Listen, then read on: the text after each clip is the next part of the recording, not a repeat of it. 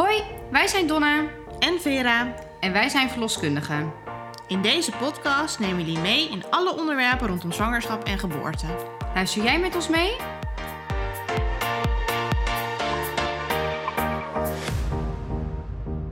Welkom bij een nieuwe aflevering van de Verloskast. Vandaag hebben we weer een gast in de podcast en dit is Manon. En Manon, misschien wil jij jezelf even voorstellen. Ja, dat wil ik zeker.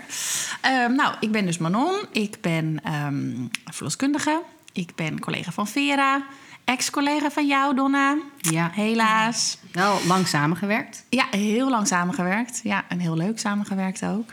En ehm, ik ben moeder van twee jongens. Sjoerd van tien en Lars van zeven.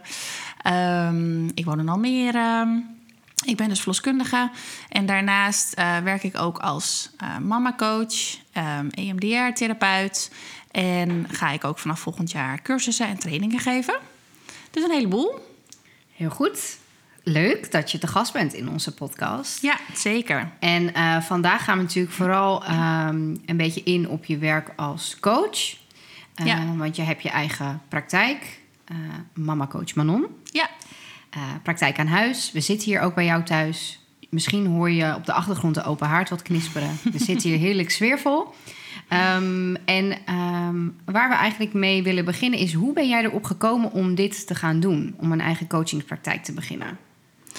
Ehm, ja, nou eigenlijk eh, al vrij vroeg. Eh, snel dat ik afgestudeerd was, merkte ik wel dat dit stukje in onze hulpverlening, in onze zorgverlening, mij heel erg aansprak. Ehm, gelukkig gaat het natuurlijk veel vaker goed dan niet goed in ons vak. Ehm, en ik merkte dat ik het proces en de begeleiding van de mensen waarbij het wat minder goed gaat, dat ik dat echt super interessant vond. En dat ik ook wel merkte van. Ja, wie, wie is er nou voor die vrouw waarbij het wat minder lekker gaat? Waar kan zij heen als ze is bevallen? Ehm, als ze een paar weken na de bevalling ja, tegen dingen aanloopt, dat het niet lekker gaat. Bij, bij wie kan zij dan aankloppen? Ehm, en ik, ik voel daar ergens wel van, oh, ik, ik wil daar wat mee. Ik vind het echt een super toffe aanvulling op ons werk als verloskundige. Dat ik dat stukje kan bieden. Ehm, er zijn heel veel vrouwen die nou ja, de bevalling best wel als heftig ervaren. Die die eerste weken als moeder best wel heftig kunnen ervaren. En ehm, ja, dus, dus dat, naarmate dat ik langer in het vak zat, ging die behoefte steeds meer groeien. Dat ik dacht, oh, daar zou ik echt uiteindelijk wel wat mee willen. Want hoe lang ben je nu verloskundige? Eh, ruim 13 jaar. En Ja. hoe lang werk je nu als mama-coach? Eh, ruim twee jaar. Ja. En hoe combineer je dat dan in je werk? Ehm, ja, ik doe, het er, ik doe het erbij. Dus ik werk en als verloskundige. eh, en daarnaast doe ik dus aan huis eh, mijn werk als coach. Zodat ehm, de mensen bij mij kunnen komen vanuit onze eigen verloskundige praktijk. Maar ook vanuit eventueel andere praktijken of vanuit buiten Almere. Dat het niet per se gericht is op enkel de mensen uit onze verloskundige praktijk. Maar dat iedereen bij me kan komen. En je zei net al van dat eh, na de ervaring bij een bevalling of hè, de kraam, kraamweken heftig ervaren wordt, dat dat best wel veel voorkomt. Heb je Ja. daar iets van statistiek van hoe vaak zoiets voorkomt? Ja. Ehm, Je mag, je mag je speakbriefje Ja, gebruiken. ik mag even spieken. hè? nee, gemiddeld eh, ervaren 10 tot 20 procent van de vrouwen hun bevalling als traumatisch. Veel. Ja, dat is, ook wel dat hoog, is echt heel erg veel. Ja, en 1 tot 3 procent van hen ontwikkelt ook echt een PTSS. Hè, dus zo'n posttraumatische stressstoornis. Dus ik, ik schrok daar ook echt wel heel erg van dat ik die cijfers eh, eh, hoorde. Hoeveel van deze mensen denk je dat ook echt bij een coach terechtkomt? Eh, ja, dat vind ik een goede vraag. Ik heb wel het idee dat er steeds meer eh, aandacht is voor deze groep. Als je kijkt naar de scholingen onder verloskundigen, wordt dit ook steeds breder aangeboden. Om verloskundigen alert te maken hierop, op de signalen. Ehm, weet je, wat echt vind ik nog steeds super interessant is, iemand kan op papier nog zo'n mooie bevalling hebben. Dat wij als verloskundige of een kraamzorg of iemand van buiten hè, kan zeggen: joh, dat was echt top. Goede bevalling heb jij gehad. Terwijl iemand het echt extreem heftig kan hebben ervaren. Want wat zijn dan signalen waar, waar we dan op moeten letten? Kan je daar iets Want je zegt hè, de signalen. Ja, ja. Nou ja, een van de signalen kan bijvoorbeeld vermijden zijn. Dus dat vrouwen het er niet over willen hebben. Ehm, dat ze er niet met ons over willen praten, niet met partner over willen praten. Ehm, eh, of bijvoorbeeld nachtmerries, hè, dat het continu maar terug blijft komen. Dat ze flashbacks hebben van momenten uit die bevalling. Ehm, en, en wat ze vaak ook ervaren is een gevoel van altijd maar aanstaan. Dus niet kunnen ontspannen, altijd maar aan, altijd alert. En, en, en dat samen maakt dat je ergens al wel kan uh, vermoeden of kan, kan, kan inzien of denken van nou, dit, dit, loopt niet helemaal lekker. Dit verloopt anders dan anders. Nou ja, en dan zou het wel zinvol zijn om iemand door te verwijzen. Om eens te kijken van goh, moeten we hier wat mee en kunnen we hier wat mee? Ja. En wat kan je dan als verloskundige doen op dat moment? Dus je zegt iemand doorverwijzen. Zijn er nog andere dingen die je als verloskundige kan inzetten? Um, nou, wat sowieso heel belangrijk is in zo'n eerste kraamweek, dat weten we allemaal, is rust. Slapen. Dus een signaal kan ook natuurlijk zijn dat mensen slecht slapen. Um, is dat natuurlijk altijd al wel aan de hand. Hè? Want je hebt een baby en je moet nachtvoedingen en je slaapt sowieso weinig. Maar het moment dat mensen gewoon echt niet kunnen slapen vanwege continu maar onrust, of piekeren, of nachtmerries, of echt extreem emotioneel zijn. Hè, los van de kraamtranen, wat normaal is, maar echt dat je denkt. We hebben allemaal wel een soort van onderbuiksgevoel ontwikkeld als verloskundige. Dat je ergens voelt, dit, dit voelt niet oké. Nee. Ehm, dan kan het zinvol zijn om iemand door te verwijzen. Ja, ja en ik, ik moet zelf zeggen dat ik het heel prettig vind dat ik mensen nu naar iemand kan doorverwijzen. Want ik voelde me soms een beetje ja, machteloos of zo. Dat ik dacht, ik, ik, ik hoor je, ik zie dat het niet goed gaat, maar ik weet niet zo goed wat ik ermee moet. Ik weet niet, Veer, is dat iets wat jij ook herkent? Ik wou net zeggen, dat is precies wat ik herken. Eigenlijk voordat we Manon hadden, uh, had ik ook zoiets van, ja, waar stuur je zo iemand heen? je verwijst iemand vaak dan toch naar de huisarts of naar iets van de POH van de huisarts. Daar zijn vaak wachtlijsten. Ehm, en ik heb wel het idee dat echt een mama-coach, je bent natuurlijk ook verloskundige, er net even wat dieper in zit om, om, om een vrouw dan goed te kunnen begeleiden of zo. Ja, ja. ja dat, dat gevoel heb ik zelf ook. En dat, dat krijg ik ook wel terug van de mensen. Um, precies wat ik net al zei, hè, dat mensen vaak ook een gevoel hebben van waar moet ik nou heen als ik me niet helemaal fijn voel of ik ga niet lekker, bij wie trek ik dan aan de bel? En um, juist omdat uh, ik in mijn geval het van allebei de kanten kan belichten, hè, dus het verloskundig inhoudelijke stuk weet ik en kan ik in mee en kan ik in mee praten. En het stukje coaching en EMDR-therapie ja, dat maakt voor mij dat, dat stuk echt heel erg compleet. En, um, kan je uitleggen wat EMDR-therapie is? Ja, zeker. EMDR-therapie dat is eigenlijk een, een hele effectieve therapie voor uh, traumatische ervaringen. Um, waarbij je als het ware, uh, ja, dat klinkt een beetje gek, maar dat brein gaat resetten. Um, wat betreft de herinnering en de emotie die daaraan vastgekoppeld zit dus je moet je voorstellen, mensen die echt wel heftige dingen hebben meegemaakt, um, zonder meteen het woord trauma erop te plakken, want dat klinkt meteen zo zwaar. Um, daarbij zit er een hele zware, heftige emotionele lading op de gebeurtenis op zich. Dus dat betekent dat wanneer er iets, iets, iets voorvalt, waardoor ze als het ware getriggerd worden in de herinnering, dat ze in hun emotie ook direct weer daar zijn zoals het toen was. Uh, ze voelen dat in hun lijf. Vaak voelen ze onrust. Um, dan kunnen er dus nachtmerries komen, flashbacks komen, nou dat soort zaken. En wat je eigenlijk doet met EMDR is dat je als het ware die emotionele belasting, die haal je af van de herinnering. En dat klinkt een beetje gek, maar dat is wel het proces wat je doet. Waardoor na de behandeling mensen als het ware neutraal terug kunnen kijken op de herinnering.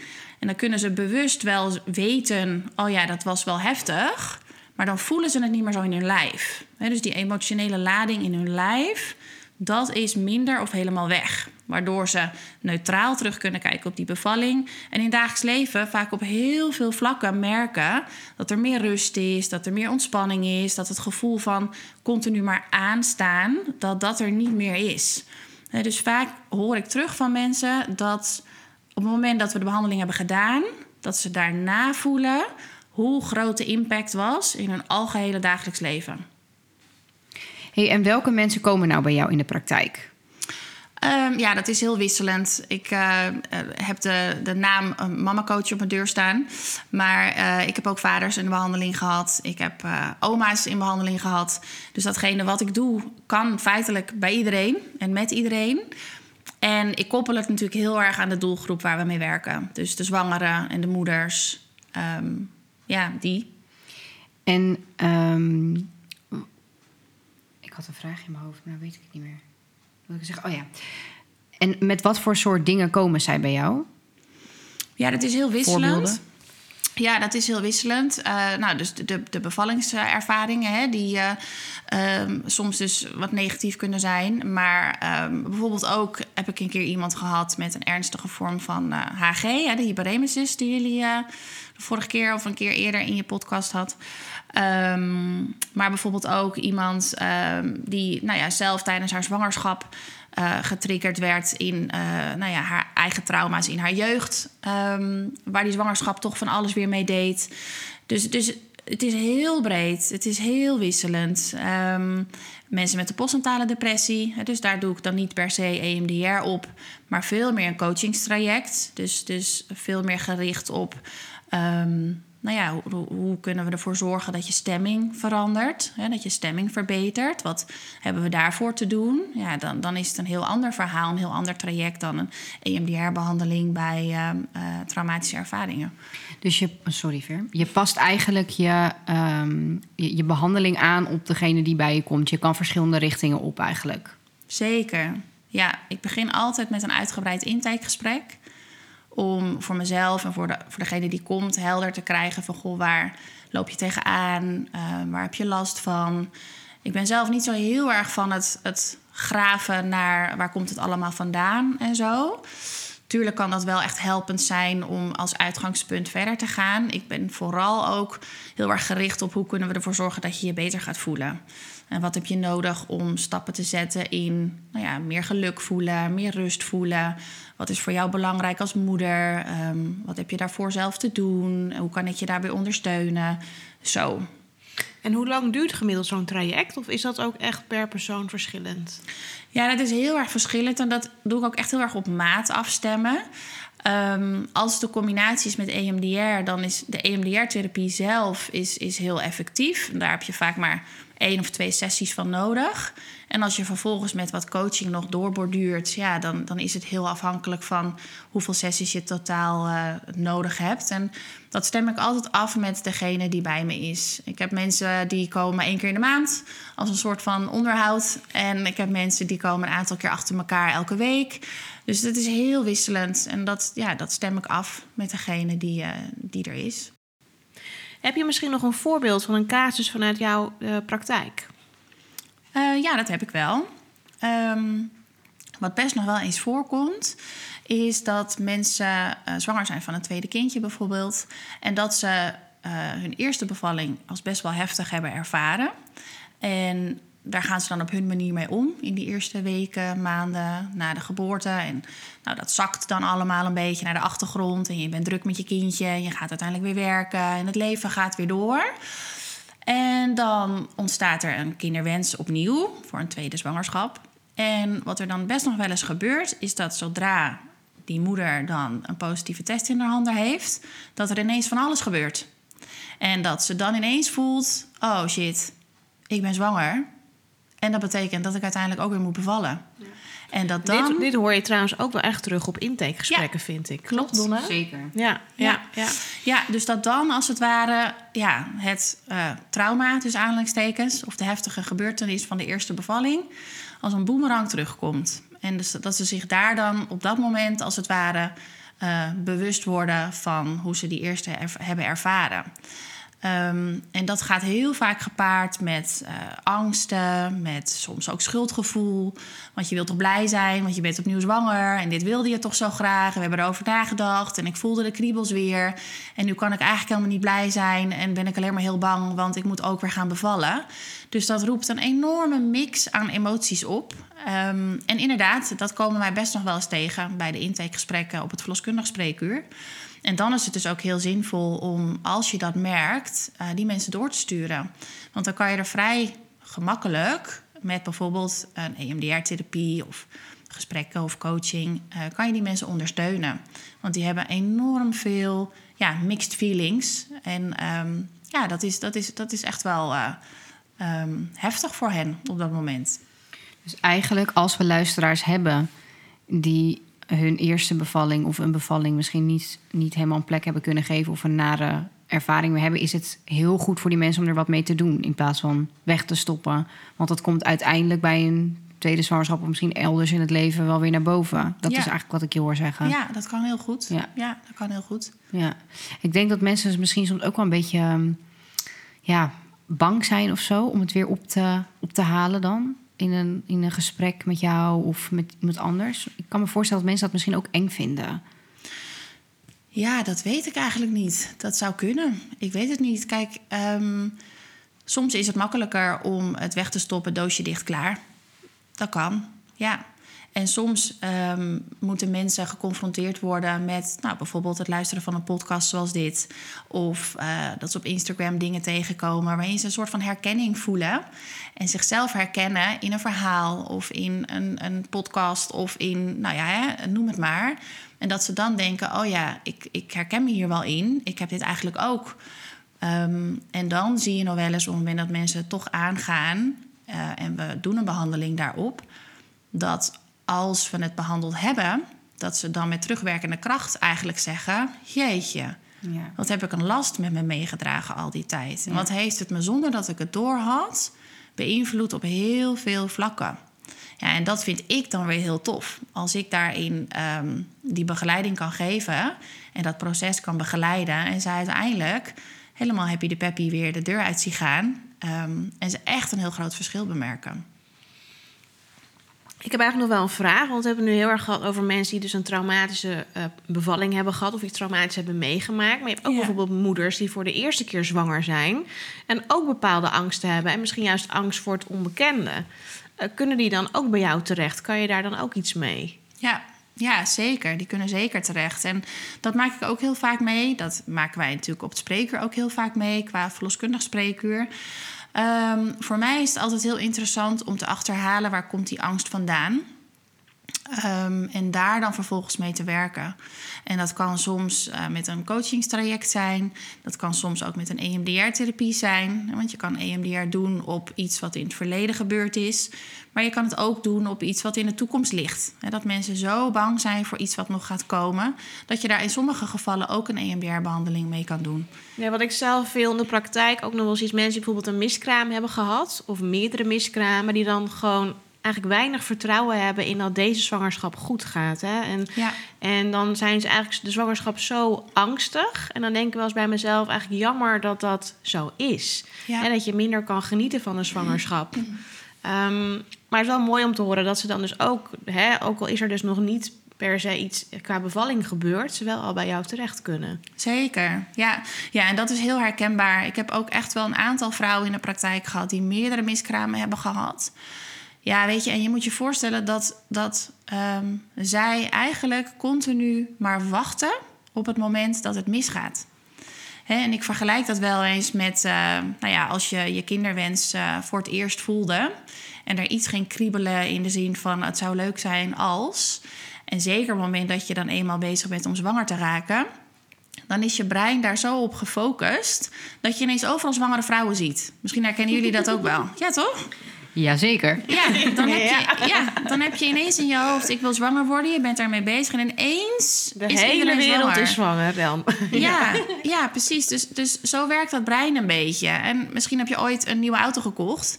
En dan zie je ineens overal die auto rijden. Weet je, dus dat, dat gebeurt zonder dat je dat doorhebt. En dat is met dit net zo. Dus deze vrouwen die hebben in hun, hun brein een soort van koppeling gemaakt met zwanger, het zal wel misgaan. Als ze, zeker als ze dat meerdere keren hebben gehad. Dus die wachten eigenlijk continu op wanneer gaat het mis, wanneer gaat het mis, wanneer gaat het mis.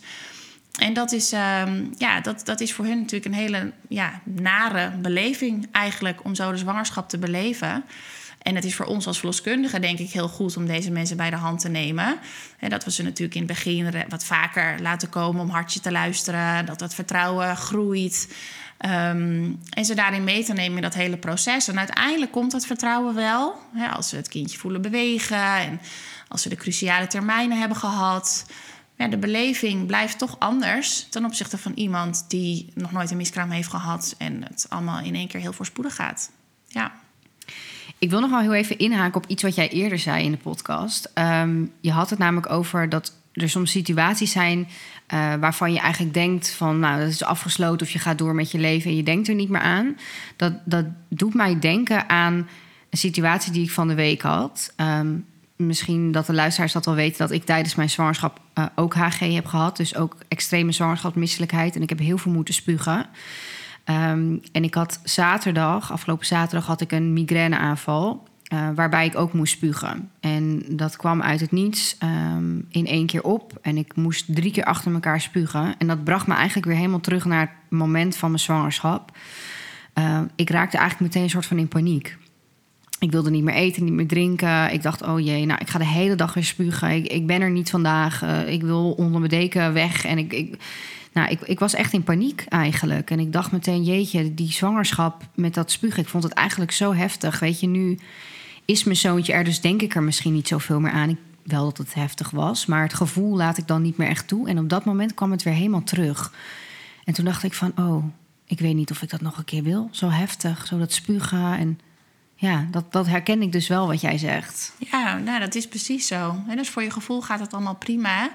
En leid je je leventje. En dan is er ineens vanuit het niks een trigger. Bij jou was het het spugen. En dan ben je ineens weer helemaal daar. Je bent weer helemaal daar, hoe het toen was. Je voelt je weer hoe je je toen voelde. Je voelt de paniek, de onmacht. Vaak zijn dat de emoties die eraan gekoppeld zitten. Machteloos, controleverlies, het overkomt je, dat. Uh, en dan ben je weer even helemaal daar dat klopt. Als jij dit dan hoort, hè, gaat dan gelijk jouw hoofd in een soort van coachstand van oh, dit, dit kunnen we aanpakken of daar kan je wat mee? Of hoe, hoe gaat dat? ja, tuurlijk. Ja, als ik dat hoor, dan denk ik, oh Don, we moeten een keer gaan zitten samen. Misschien moeten we dat maar doen dan. Hebben we het al wel eerder over gehad, volgens mij. Ja, we hebben het eerder over gehad. Ja, ja, tuurlijk, zeker. Ja. Um, ik wil eigenlijk nog wel iets anders uh, op aanhaken. We hebben misschien ook wel verloskundige luisteraars. Um, ik heb zelf uh, in mijn rol als verloskundige EMDR-therapie gehad. Dat is inmiddels al een aantal jaar terug. Um, dit was vanwege een heftige casus op het werk.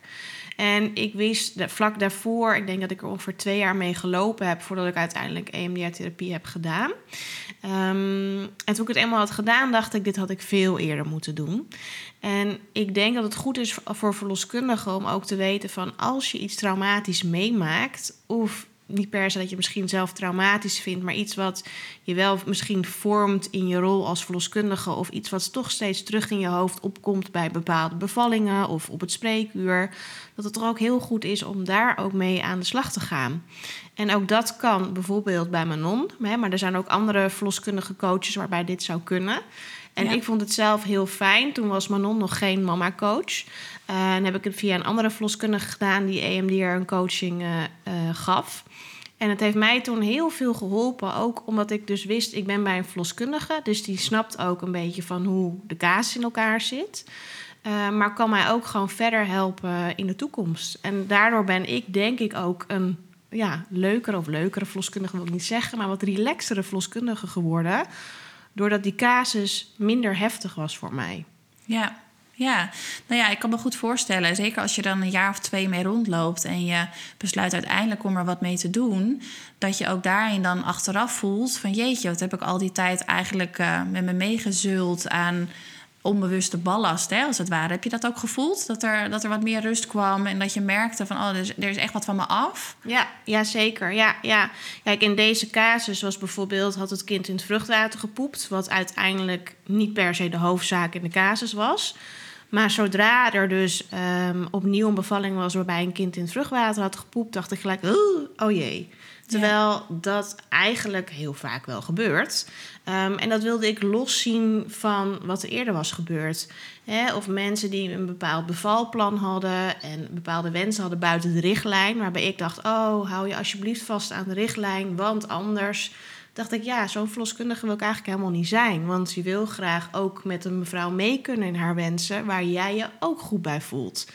Ehm, en op dat moment in de praktijk hadden we een aantal casussen... ook waarbij vrouwen ook wel dus een richt- eh, vraag buiten de richtlijn hadden. En door die EMDR-therapie werd ik daar ook rustiger van. dacht ik, ja, prima, het is goed. In plaats van dat ik een soort van in de stressstand ging staan... dat ik dacht, oh nee, help als die mevrouw bij mij gaat bevallen. Dus wat mij betreft heeft dat heel goed geholpen. Ja, Ja, Ja, ja. supergoed hoor. Ja, ja en dat doe ik, dat doe ik ook. Ik, eh, ik ben er uiteraard ook voor eh, zorgverleners. Hè, want ook wij als verloskundigen, maar ook kraamverzorgsters... kunnen natuurlijk echt wel voor heftige dingen komen te staan. Dus eh, ja, zeker. Manon heeft nog een oefening voor ons voorbereid. Dus we zijn benieuwd. We, we weten het nog niet wat het is, dus we laten ons verrassen. Ja, ja, superleuk. Ja, ik wilde jullie even meenemen in een oefening... waarin je kan ervaren hoe je brein werkt. En zo merk je als we zo'n half uurtje zitten te kletsen... en allerlei praktijkvoorbeelden aanhalen... dat je allemaal wel ergens een herkenningspuntje hebt... en merkt, oh ja, oh ja, oh ja, zo zit dat. Of dat gebeurt inderdaad. Nou, en dat is dit eigenlijk ook. Want dan kan je wel vertellen hoe het allemaal werkt... En het is veel grappiger en effectiever om het gewoon te ervaren. Kunnen de luisteraars ook meedoen? Zeker. Oh, leuk. Juist. Ga En dus- zitten dus- en doe mee. Ja, precies. Dus eh, als je lekker, eh, weet ik het, eh, je was aan het vouwen bent... of eh, je zit op de bank of je loopt lekker ergens te wandelen in het bos... zoek even een plekje dat je lekker kan gaan zitten... Stel je nou voor, je rijdt in de auto, dan moet je gewoon lekker auto blijven rijden. Want ik. eh, Oké, ja, dat wilde ik nog vragen. We zijn niet verantwoordelijk voor nee, maar niet verantwoordelijk voor. eh, nee, nee, nee. Dan nee, bewaar precies. je de laatste tien minuten even voor als je weer thuis bent. Ja, precies. Ja, dus dus nee, want het is het, het is het makkelijkst en het werkt het beste als je even een momentje hebt om gewoon rustig te zitten en strakjes ook je ogen even te sluiten. Hè, Dus als je in de auto zit, doe dat vooral niet. Maar ehm, mocht je hier aan tafel zitten bij mij of eh, thuis op de bank, ehm, doe lekker mee. Spannend. Oké. Spannend hè? Ja. leuk. Nou, dan gaan we nu onze ogen sluiten. Heel goed. Ga, lekker, nou, ga vooral gewoon even lekker zitten. Heel goed. En voel gewoon eerst eens even hoe je zit. En of je nou nu of strakjes je ogen sluit. Adem in ieder geval rustig. En voel hoe je adem langzaam in en uit je lijf gaat. Heel goed. Deze oefening bestaat uit twee delen. En vooral het tweede deel is echt heel leuk. En we beginnen met deel 1. Dus terwijl je hier lekker zit, of thuis op de bank, of ergens in het bos op een bankje, of waar jij dan ook op dit moment bent, adem rustig in en rustig uit. Heel goed. En stel je nou eens voor dat jij gaat bevallen. En stel je dan eens voor dat alles precies zo gaat zoals jij niet wil. Dus adem in en rustig uit. En stel je voor dat jouw bevalling precies zo gaat zoals jij niet wil. Meestal gaat het dan over een gevoel van controleverlies, machteloosheid, onbegrip of precies datgene wat dat voor jou is. En stel je eens voor hoe dat is. Dat het precies zo gaat zoals je niet zou willen. Waarschijnlijk heb je daar een beeld bij nu. En zie eens voor je hoe dat is. Wat zie je daar? Wat hoor je? En voel vooral in je lijf. Merk maar op wat er gebeurt. Hoe is je ademhaling? Hoe is je hartslag? Merk maar op wat daar is. Heel goed.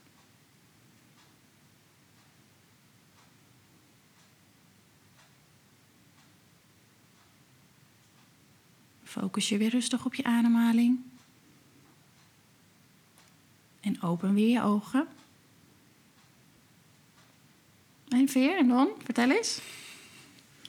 Vertellen wat er voelde? Ja, vertel eens wat er was. Ik voelde... ehm, ik voel nog steeds eigenlijk mijn schouders heel erg. Mhm, Mijn, mijn nek en mijn schouders. mhm. Dus je voelt wat spanning in je lijf. Ja, Ja. ja dat, dat, dat overheerst bij mij. ja. Grappig, want ik heb niet juist iets lichamelijks, maar ik voel me vooral boos. Ja, Boos. verdrietig. Ja, precies. En dus je, er gebeurt van alles. Je voelt van alles in je lijf gebeuren op het moment dat ik dit soort vragen aan je stel. Ja. Ja, precies. Oké, heel goed. Ik ga zo meteen vertellen wat er allemaal gebeurt. Oké? Ik neem jullie eerst even mee naar het tweede deel. Maar wat je eigenlijk eerst even moet doen om uit dit gevoel te komen, even opstaan van de bank. Doe even een dansje als dat lukt. Of even een sprongetje maken. Daar gaan we. Of eh, doe in ieder geval even iets anders. Ook thuis, als je luistert. Heel goed.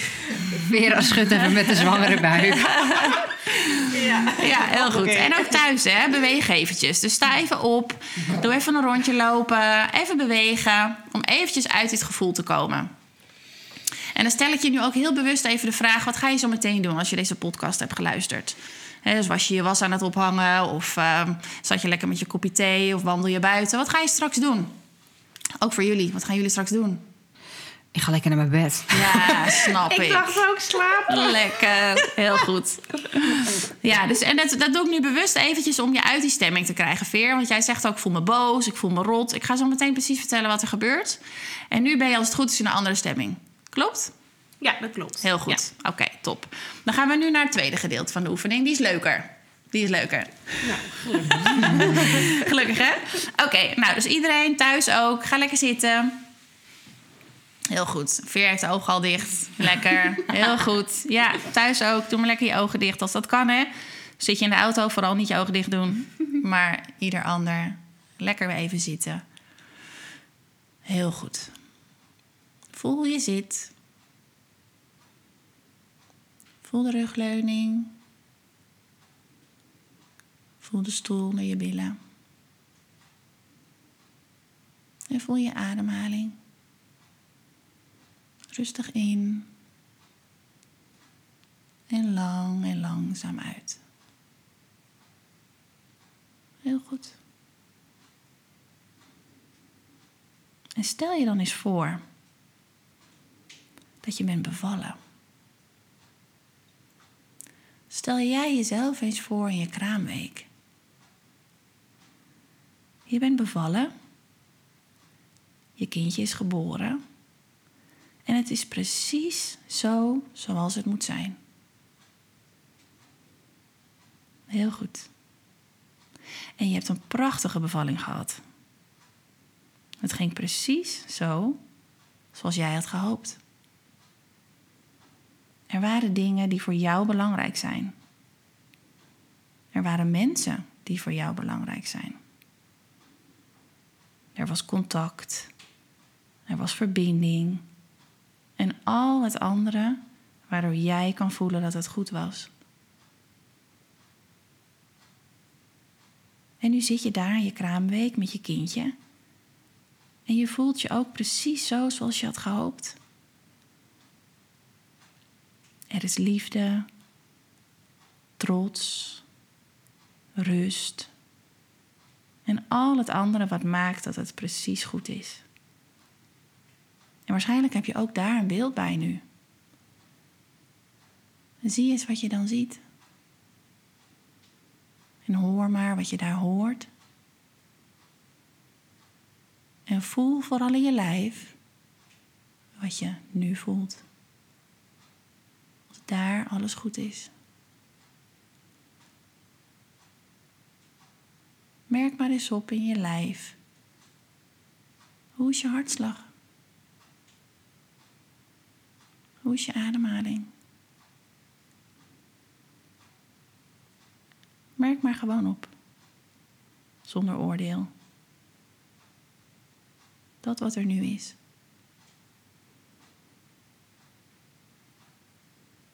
Heel goed. Focus je weer op je adem. En open je weer je ogen. Ik wil ze niet open. Nee, lekker hè? Vertel eens, wat is er nu? Ik zat helemaal in mijn bubbel. Nu, ik, ik voel me een beetje emotioneel. Hmm. Eigenlijk. Grappig, ik ook. Ja? Eigenlijk voelde ik me weer verdrietig, maar van geluk. Ja, Mhm. ik, ik merkte ook dat ik een beetje aan het lachen was. Ik weet niet of jij dat zag, maar ik... Ja, ik- tuurlijk. ja, ja. ik zit met mijn ogen open. Ja. nee, maar ik dacht, is dit nou een, is dit een, een lach wat ik voel of wat ik ook uitstraal? Want ik, Ja. het voelde inderdaad wel alsof ik aan het lachen was. Ja. Ik vond het heel mooi. Ja. Wat voor beeld zag jij voor je?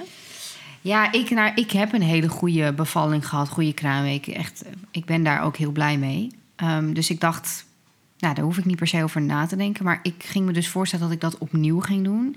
En ik zag alleen maar mezelf voor me in mijn bed na die bevalling. En dat mijn zoontje komt en die komt dan naar de baby kijken. En nou, toen, daardoor werd ik dus denk ik emotioneel. Want ik dacht, oh, dan is het goed. Oh, kijk Ja. nou hoe lief die naar, naar zijn broertje of zusje kijkt. Dus dan zat ik alleen maar. Ja. Dat is eigenlijk wel een heel mooi beeld. Ja.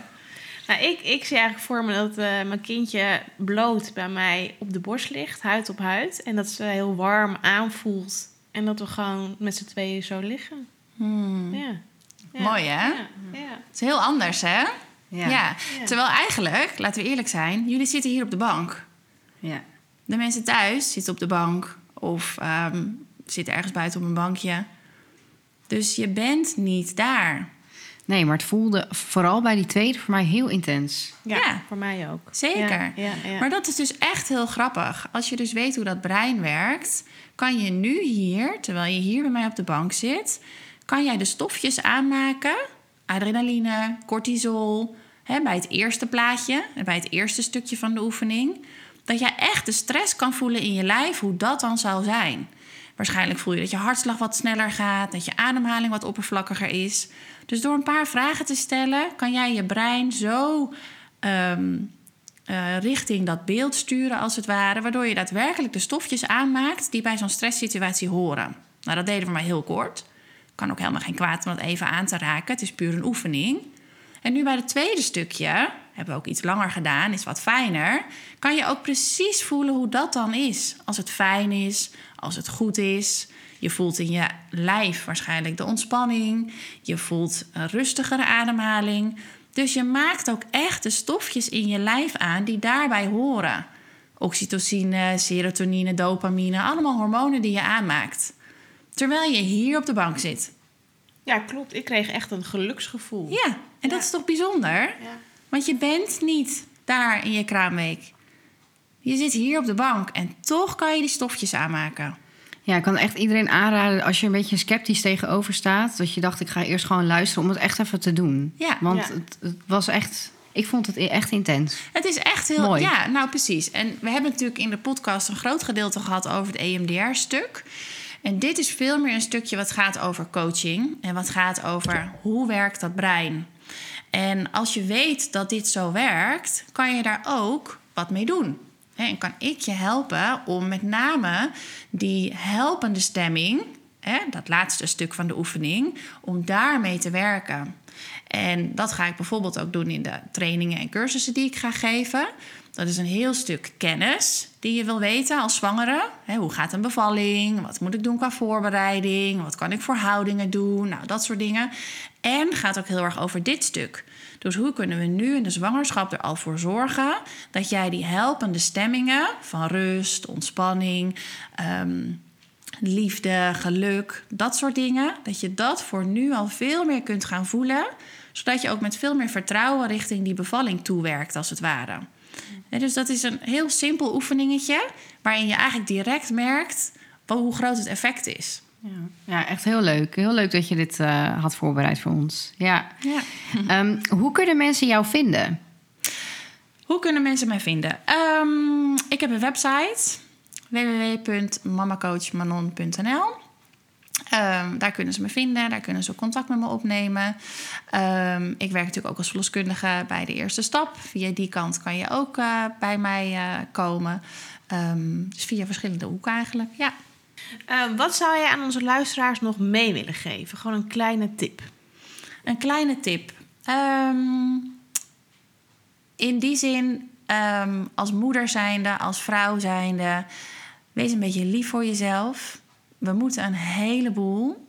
Ik zeg wel eens, onze moeders, onze oma's waren tussen aanhalingstekens alleen maar zwanger. En wij zijn zwanger en hebben vaak nog een fulltime baan en hebben misschien nog kinderen. En we verwachten zo vreselijk veel van onszelf. En ehm, wees af en toe een beetje liever voor jezelf. En maak ook af en toe wat meer contact met het gevoel, met je lijf. Wat heb je echt nodig? Uh, wie wil je zijn als mens, als moeder? Um, en soms kan het helpen om daarin nou ja, wat extra begeleiding nodig te hebben. Um, nou, om, om, om daar te komen waar je eigenlijk wil zijn. En om, om die versie van jezelf te zijn waarin je voor jezelf en ook voor je gezin uh, het meest optimale uit je leven haalt. Nou, ik vind het wel een hele mooie tip. Ja, vind ik ook. Mooi gezegd. Mooi. Ja. Uh, bedankt weer voor het luisteren naar onze podcast. We zouden het leuk vinden als je onze podcast beoordeelt. Je kan ons vinden op Spotify en ook op Instagram, het Verloskast. Um, kan je ons vinden. Hey Manon, hartstikke bedankt uh, dat je bij ons te gast wilde zijn. Graag gedaan, ik vond het heel leuk. Heel erg bedankt Manon en uh, jullie bedankt voor het luisteren. Tot de volgende keer. Applaus! Doeg!